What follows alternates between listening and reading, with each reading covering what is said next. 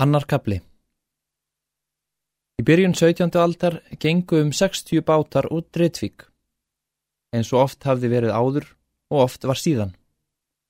Þá voru hörð ár og bájindi manna á meðal, en í víkinni var afli og allsnæktir á vetravertíðinni. Þar skorti engan mann föng. Þessi litli vogur, þessi hraun skora sem sjórin fjallinn í, var fræg um land allt fyrir aflasældina en það brást hún sjaldan vonumanna. Ríkalegar raunsteipubyggingar vernduða hana fyrir briminu. Við þær sogaðist sjórin upp og niður, sjóðandi og vellandi af kvítu þungu brimlaðri. Sjórókið gaus hátt í loft upp þegar holskeplunar kvoldust upp að loðrættum strandbjörgunum.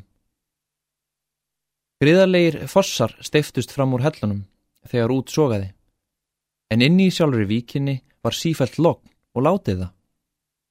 Allur sjórin var þakkinn livrarbrá og fljótandi inneflum úr fiski. Dauð spakir sjófuglar, nærið því mannelskir, syndu þar um í stórhópum og heldu sér veistlu í þessu mikla æti. Hvít skí af máfum og ritum svifi yfir víkinni. Fjöruborðið var allt þakkið slógi og dálkum úr fiski, en hausar sáast þar engir, því að þeir voru allir hirtir og verkaðir til sölu eða heimflutnings.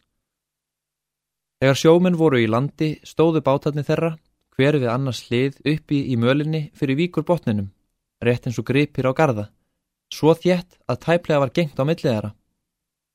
Allir voru þeir svartir, tjargaðir, sumir með málaða borðstokka, aðrir ekki. Í öllum lág mastur með samanvöfðu segli, rásegli, líku því sem verið hafði á vikingaskipunum. Í öllum bátunum lágu árarnar ofan á þóttunum, svo margar sem ræði voru til á bátnum, og ein eða tvær til vara, allar kvítar og segri kvistalöysri fjöru, en mjög misstórar, því að sumar voru ætlaðir einum manni til róðurs, en aðrar aðeins fyrir eina hönd, eða sumar til barnings og aðrar til andþófs, eða svo tíðkanlegra var að greina þær í sundur. En sjá mátti það á sumum árunum að engum vesalmennum voru þær ætlaðar en í hrauninu fyrir ofan bátana var þjettbíli allmikið af sjóbúðum og hjöllum, heilt hverfi. Engin byggð var þar önnur, því að engin bær stendur í nánasta nágranninu við Dritvík. Líkt ótaða hraun er engra manna meðfæri að græða upp. Sjóbúðurnar stóðu á víð og dreif útu um hraunið, þó svo að gatan væri sem skemst til sjávar. Flestar voru þær byggðar í skjóli við einhvern hraunhólin eða klettin. Engum var leitað skjóls fyrir norðanáttinni sem þar er nöprust eins og annar staðar. Sumar voru byggðar yfir gjótur eða gjár. Allar voru þær hver annari líkar og enginn þeirra bar verulega af annari. Allar áttu þær sammert í því að lítið bar á þeim og varla urðu þær greindar frá hrauninu fyrir en þær urðu svo að kalla fyrir fótumanna. Allar voru þær hlaðinar upp úr hraungrítinu sem allstæðar var hendinni næst allar reftar með rekavið og dittað að þeim með mosa á rauninu og þangi úr fjörunni eftir bestu föngum. Engin þeirra var líkleg til að vera visslegur mannabústaður, en allar voru þær mannabústaðir enguða síður. Flestar stóðu þær auðar og ónotaðar allt sumarið og haustið og fór þá um þær sem vildi.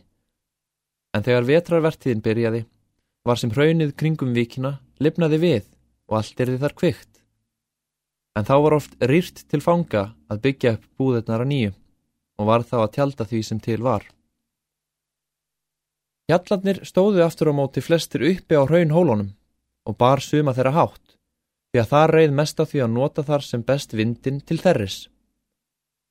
Flestir þeirra voru úr rekafið og tilsýndar eins og blásnar beinagrindur og stórgripum stæðu þar uppréttar. Sumstaðar stóðu grindahjallar, byggðir sem hús og læstir með stóðrum hengilásum úr kopar. Í öllum þessum hjöllum blöktu feitar freðísur, landfrægar fyrir það hver ljúfengar þær voru, enda áttu margar þeirrar þann frama fyrir höndum að vera reyttar söður í skálholt og ilma þar á borði biskupsins og vildar gesta hans. En fyrir öðrum lág utanför á fundi ríkra rittara og aðalsmanna eða jafnvel konunga.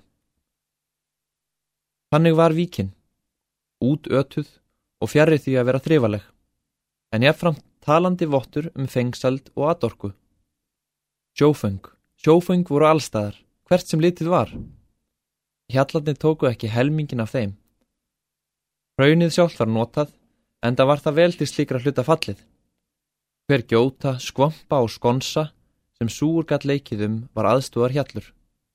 Hver raun stríta var sí breytt með sjófengum og klungrið sjálft sem gangandi mönnum var tæplega færtum var notað í sama tilgangi.